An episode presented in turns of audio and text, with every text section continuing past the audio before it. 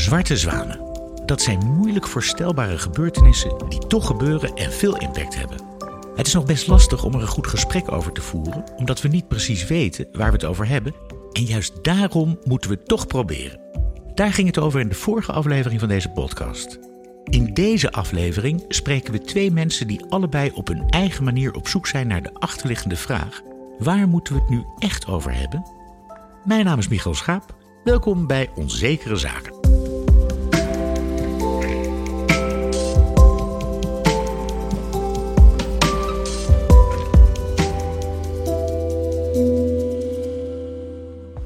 Eerst ga ik op bezoek bij Chloe Rutserveld, voedselontwerper. Ze haalt de onzekere toekomst naar voren door te bedenken wat er straks op het gebied van voedsel allemaal mogelijk is.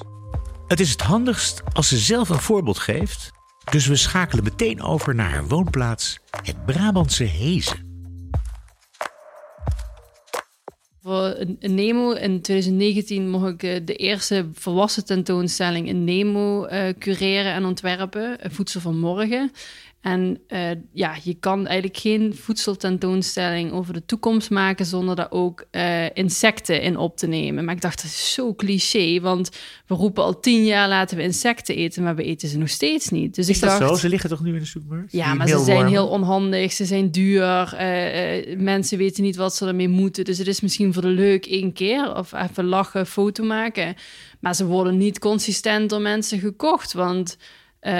Um, ja, want... Want? Ja, wat ik al zei, ze zijn onhandig, ja. uh, ze zijn relatief duur. En uh, mensen vinden het nog eng, waarschijnlijk. Ja, eng. Ja. Ik bedoel, kijk, het is gewoon niet, niet iets geïntegreerd in, on, in onze cultuur. Dus wij zijn niet gewend om te koken met insecten. Dus wat ik toen dacht is van, oké, okay, wat zou er dan moeten gebeuren dat we wel insecten gaan eten in de westerse wereld of in Nederland? En toen dacht ik van ja, kijk, wat we met uh, met de kippen hebben gedaan, met de koeien, met de varkens, is die gewoon naar onze hand gezet. We hebben ze eigenlijk ontworpen, herontworpen naar, naar onze smaak. Of dat ze dikker worden, sappiger, uh, sneller en meer melk geven. Uh, dus ik dacht, nou ja, wat als we dat met insecten gaan doen? Dat we plofinsecten maken. Dus, uh, eigenlijk... Die groeien, die heel groot, die groter, veel groter worden. Ja, groter, maar zonder van die vervelende pootjes, zonder harde vleugeltjes en een betere smaak. Want ze hebben allemaal echt een heel bijzonder smaakprofiel. Alleen nu zijn ze allemaal uh, uh, industrieel gevriesdroogd en dan smaken ze allemaal hetzelfde. Eigenlijk proef je alleen maar een hard, knapperig huidje. En je proeft niet bijvoorbeeld de walnoottonen van een meelworm. Of uh, nou, zo zeggen ze dat ieder de insect... De walnoottonen van een meelworm. Dat is bijna een gedicht. Ja, maar zo zeggen ze dus dat, dat ieder insect een eigen smaakprofiel heeft. En bijvoorbeeld een cicade die dan naar... Uh, wat was het? Asperge en aardappel zou smaken. Een soort van kruising. Ik dacht, dat is toch fascinerend? Ik vind het heel interessant om de afstand tussen het onderzoek, tussen de RD, tussen de productie en tussen de consument te verkorten en te overbruggen eigenlijk. Omdat vaak kom je pas in contact met toekomstvoedsel als het al in de supermarkt ligt of als het er al is en dan is het vaak te laat. Uh, dus als je het hebt over kweekvlees, vertical farming, um, geproduceerde voedingsstoffen, dat wordt niet echt gecommuniceerd. Dus misschien staat er ergens in een supermarkt wel zo'n zo'n vertical farm nu al. En dan kun je daar een basilicumplantje uitpakken. Maar en dan? Maar waar kwam die interesse, anders dan dat je het gewoon van lekker eten houdt, voor voedsel vandaan? Nou, ik gebruik voedsel eigenlijk als middel om uh, bepaalde ideeën of bepaalde visies te communiceren. Dus ja, het gaat om voedsel, maar nee, eigenlijk gaat het helemaal niet om voedsel. Maar wil je dan daarmee zeggen dat je eigenlijk een soort wetenschap, wetenschapper-activist bent? Dat er, dat er een agenda achter zit, een, een, een, een, een doel? Ja, er zit absoluut een doel achter. Um, maar vaak is die, zeker in mijn eerdere werk, echt intrinsiek gedreven. Dus er zegt niemand aan mij: ga dit project doen. Of ga eens even uitleggen aan mensen hoe kweekvlees in elkaar zit. Of denk eens na over de integratie in de maatschappij uh, van, uh, nou, noem eens wat geks, microbieel geproduceerde voedingsstoffen. Dat vraagt niemand aan mij. Dat is meer omdat ik het heel erg interessant vind. En omdat ik vaak zie mensen zeggen het een en doen het ander. Dus ze zijn tegen voedselverspilling. Ze zijn uh, tegen het dierenleed. Ze zijn voor duurzaamheid. Maar vervolgens, als je dan uh, ja, die keuzes als, als burger moet gaan maken, dan maak je vaak een andere keuze. Maak je vaak een hele andere beslissing. En dat kan uh, sociale druk zijn. Bijvoorbeeld als je vrienden lekker aan het barbecuen zijn. En het ruikt zo lekker. En die speklapjes zien er zo goed uit. Om dan te zeggen, ook eet geen vlees. Want dan denk ik, ah, doe niet zo saai. Of uh, ik wil geen alcohol drinken. Ah, joh, één biertje, maakt toch niet uit. Het is, heel, het is vaak heel erg lastig. Nog even los van, als je ze dan zegt, neem nu maar wat kweekvlees tot je in de vorm van een snack? Want dan beginnen ze waarschijnlijk ook op dit moment nog te piepen, of niet? Nou, ik zou ook gaan piepen eigenlijk over kweekvlees. Want ik vraag me af, als toch mensen zo graag vlees willen blijven eten in de toekomst, hoe ver zijn ze dan zelf bereid te gaan? En dat doet me denken aan een heel interessant project van jou uit 2013. In vitro heette dat, geloof ik. Waarbij, ja, in vitromie. Of in vitromie, waarbij je suggereerde, of theoretisch of misschien zelfs ook implementeerde, weet ik niet. Uh, het kweekvlees op basis van eigen lichaamcellen. Klopt dat? Mm Ja, Waarmee je dus natuurlijk meteen uh, iedereen op de achterste benen ging staan. Want dat was een, dan zou dan een vorm van cannibalisme, zijn. Ja. Autocannibalisme. Ja. ja, het was uh, sterker nog, het was mijn allereerste food design project. Uh, wat ik deed en ook nog eens op een, op een technische universiteit, waardoor dat dus best wel inderdaad wel heel wat teweeg bracht. Um, want iedereen deed gewoon, alle studenten deden heel braaf uh, nadenken over een, uh, nou, bijvoorbeeld wat voor vorm dat, dat vlees dan kon aannemen. Bijvoorbeeld vleesverf of gebreid vlees of vleesparels. Maar ik dacht van ja, ik wil eerst weten hoe dat kweekvlees gemaakt wordt. Hoe zit het in elkaar? En toen kwam ik erachter dat ze gewoon nog dierlijke cellen gebruikten. En natuurlijk het, het, het, het kelfserum, het bovenaan kelfserum, om het in te kweken. Dus ik dacht, ja, hoe, hoezo, uh, ho hoezo dan niet gewoon plantaardig? Dus toen dacht ik van, ja, weet je, als jij toch per se vlees wil blijven eten in de toekomst, hoe ver ben jij dan bereid te gaan? Zou je je eigen lichaam willen gebruiken om, om vlees te kweken? En het antwoord was? Nou, de meeste mensen. Want ik, ik, had het dus ook echt... Je had het over provoceren. Nou, wat ik dus gedaan had, is een uh, vasculair systeem... Uh, dus het bloedvatensysteem op mijn lichaam geschilderd. Ik had een prototype gemaakt van zo'n uh, bioreactor-amulet... waar dat dan plaats zou moeten vinden, dat kweken van je eigen vlees... Dat had ik op mijn lichaam geplakt met een stukje gehakt daarin. En zo liep ik rond op de universiteit. En mensen die het zagen, die dachten, ja, doei, als dit de toekomst is van vlees eten, dan word ik vanzelf vegetariër of veganist. Uh, dus ja, dat, was, dat sloeg echt de hamer of de, de spijker op, op de spreekwoordelijke kop. Ja, precies. Uh, omdat mensen dan echt dachten van ja, ja nee, dit gaan we, dit gaan we niet doen.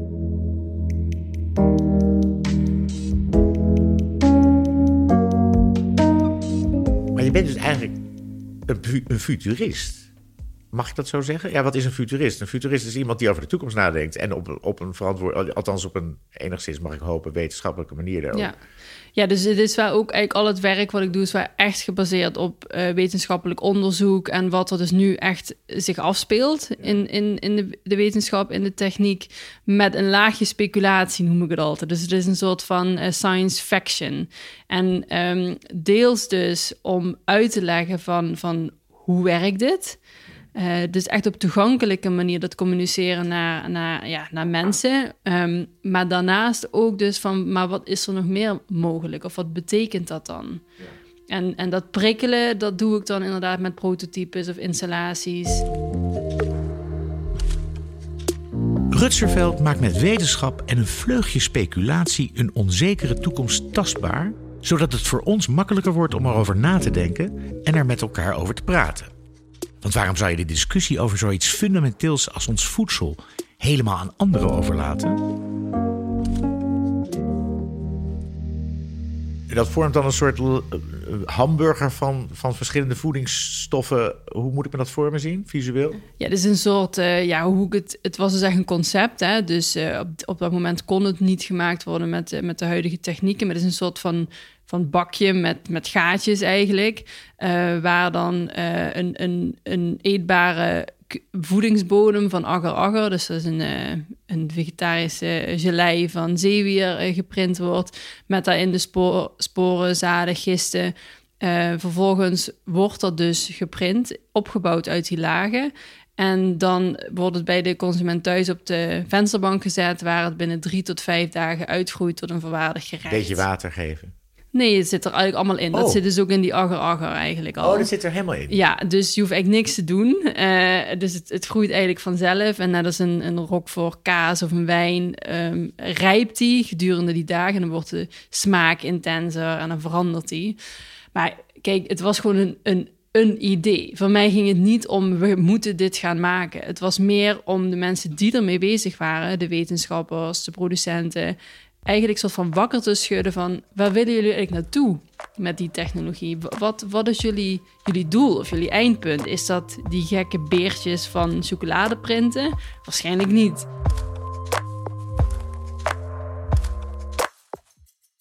Ik denk dat verbeelding iets heel belangrijks is. Dus nu krijg je vaak informatie door middel van, uh, ik weet niet, op televisie of in de kranten. Dat is vaak tekst of dat is beeld, maar dan vaak wel iemand die aan het praten is.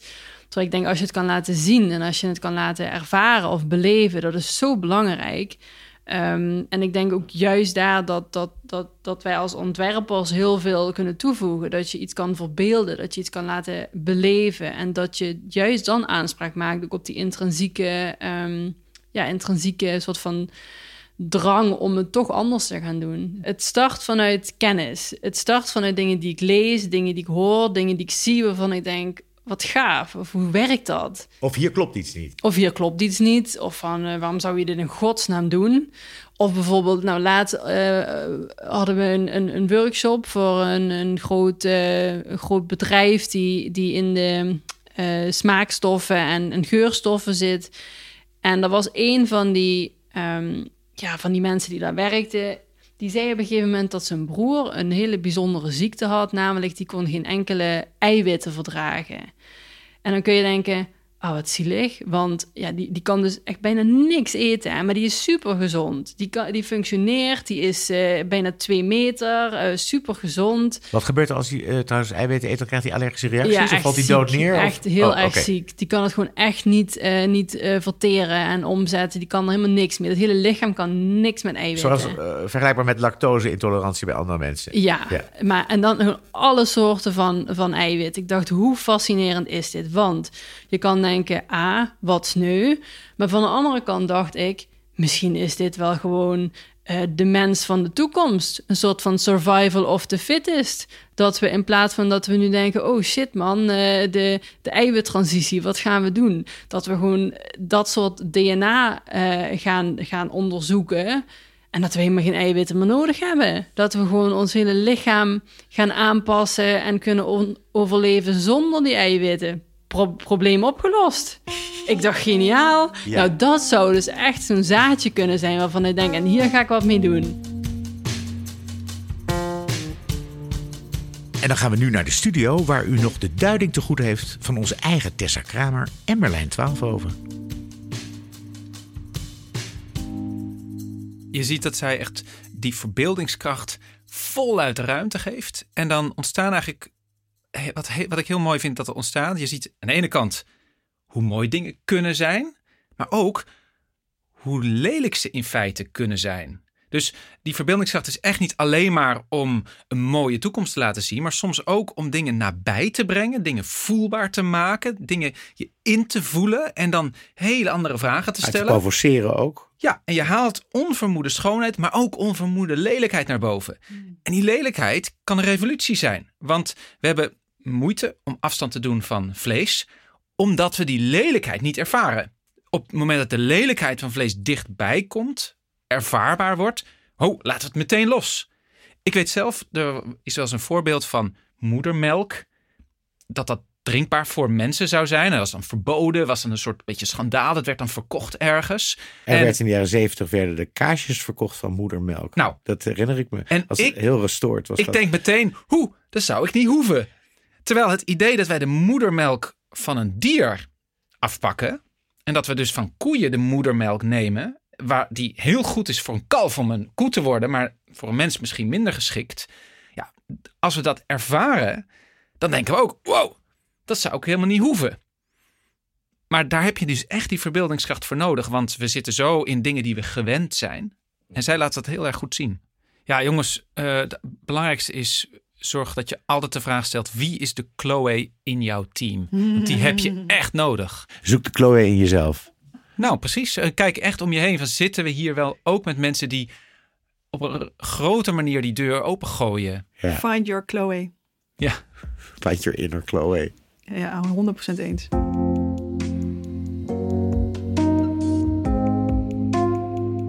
Mensen zoals Chloe zijn met hun werkwijze in staat het gesprek over de toekomst te sturen naar wat er echt toe doet. Op het moment dat we er nog iets aan kunnen doen. Je zou kunnen zeggen dat mijn volgende gast hetzelfde probeert, maar wel op een totaal andere manier. Lucas van der Storm is namelijk journalist. Een goede journalist, als ik zo vrij mag zijn. Tegenwoordig werkt hij bij Trouw, maar we hebben hem uitgenodigd omdat hij jarenlang voor het Eindhovens Dagblad het stikstofdebat in Brabant versloeg. Een ingewikkelde, gepolariseerde discussie die in Brabant al langer een hot item is dan in de rest van het land. Aan Lucas van der Storm was het lang de taak om het debat op de juiste manier te voeden door de hoofdzaken van de bijzaken te scheiden en de zin van de onzin. Uh, meneer van der Storm, we komen van ver. Ik herinner mij uit mijn jeugd in de jaren zeventig dat er bijvoorbeeld een probleem was met zure regen door bruinkoolcentrales in Oost-Europa onder andere, maar ook bij ons. Ontzettende vervuilende lucht. Uh, inmiddels lijkt er veel ten goede gekeerd. Heel veel bruinkoolcentrales zijn gesloten. Uh, stallen hebben allemaal filters verplicht gekregen. En toch blijven we met iets dat heet het stikstofprobleem. Wat zelfs nu heet een stikstofcrisis.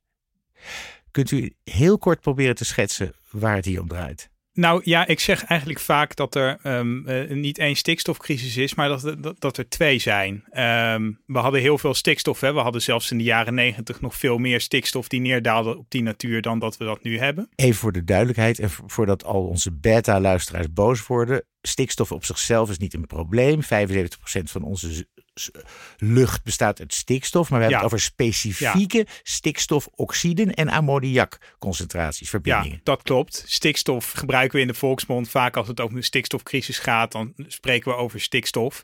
Waar het om gaat is dat um, uh, stikstof een stof is die inderdaad altijd uh, voorkomt in onze natuur. Die nodig is voor het leven. De, ook dat, ook dat. Net als zuurstof is stikstof nodig. Zonder stikstof zijn er geen planten.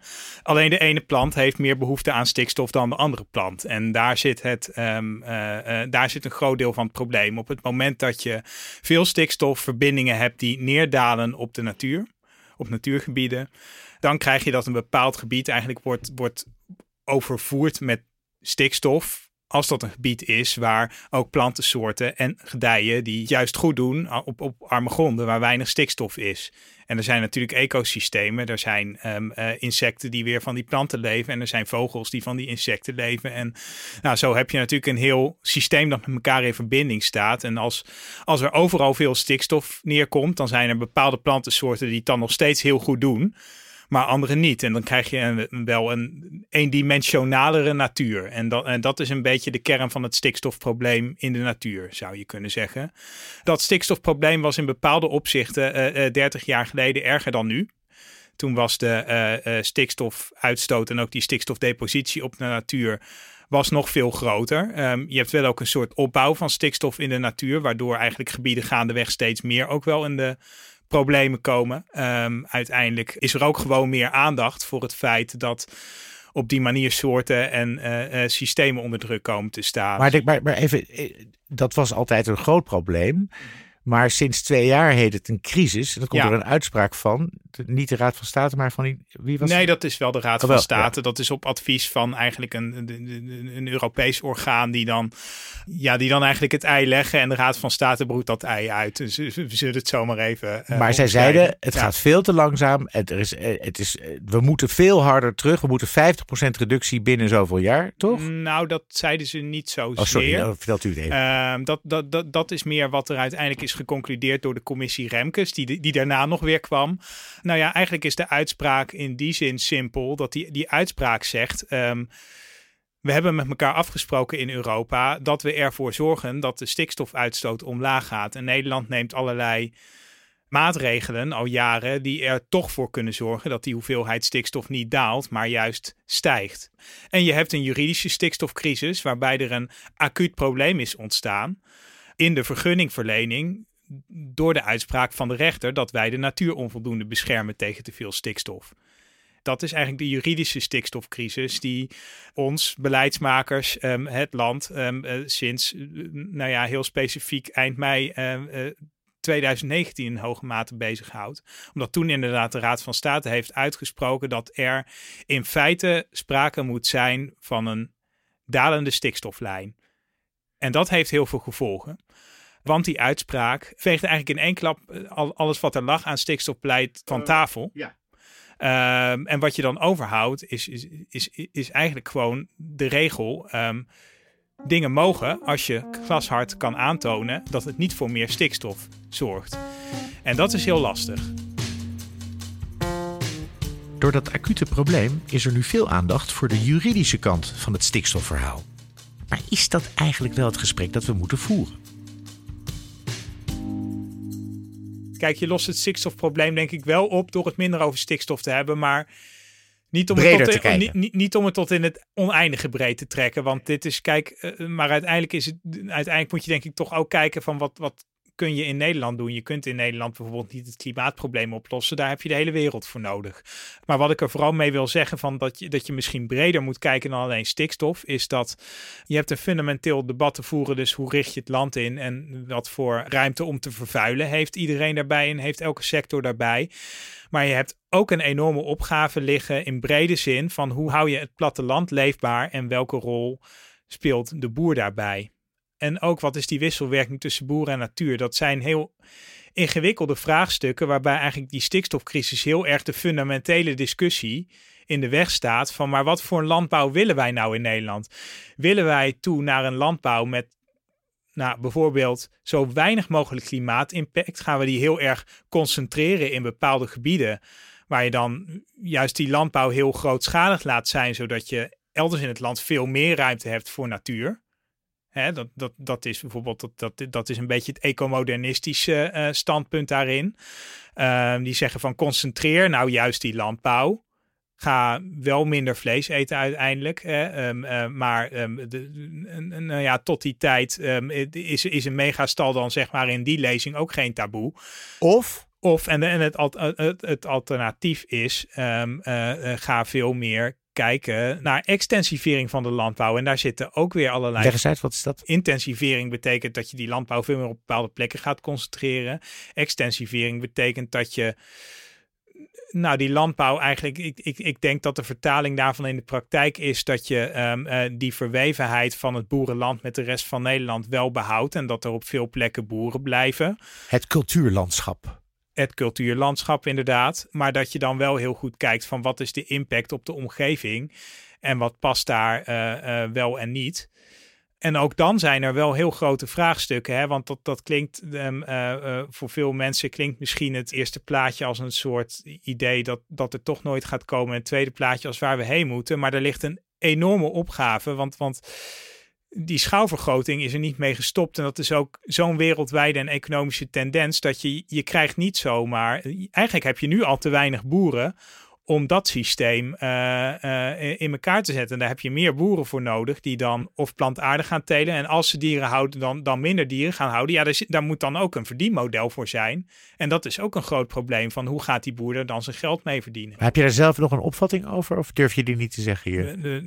nou, Als journalist. ja, ik, ik, ik, vind, ik zou dat best durven, maar ik weet dat ook niet zo goed. Ik vind dat, ik vind dat, ik vind dat echt wel een dilemma waarbij, waarbij ik merk dat we aan dat dilemma door alle brandjes die we aan het blussen zijn op bijvoorbeeld stikstofgebied, komen we aan die fundamentele discussie niet toe. En dat is Carola Schouten, heeft dat denk ik wel heel erg geprobeerd. Heeft eigenlijk in het begin van toen zij minister was, heeft zij geprobeerd om ja, een soort visie voor de toekomst van de landbouw, over kringlooplandbouw op te stellen, waarin dan allerlei partijen uh, uh, ja, van alle kanten, dus boerenpartijen, maar ook um, uh, milieu, natuurclubs, allemaal aan meedachten. De gemeenschappelijke basis van die visie is zo dun dat je er alle kanten mee op kan. En de fundamentele discussie is eigenlijk gewoon nog steeds niet gevoerd. En ik denk dat dat nodig is om uiteindelijk uit de impasse te komen en ehm, eh, daadwerkelijk tot elkaar te komen. Dat, dat heeft met veel meer te maken dan alleen stikstof. En, uh, uh, maar, maar door dat acute juridische probleem rondom stikstof, dat is zo'n olifant in de Kamer, heeft zo'n effect op die hele discussie, dat je daar ja, niet meer uitkomt en niet meer aan toekomt.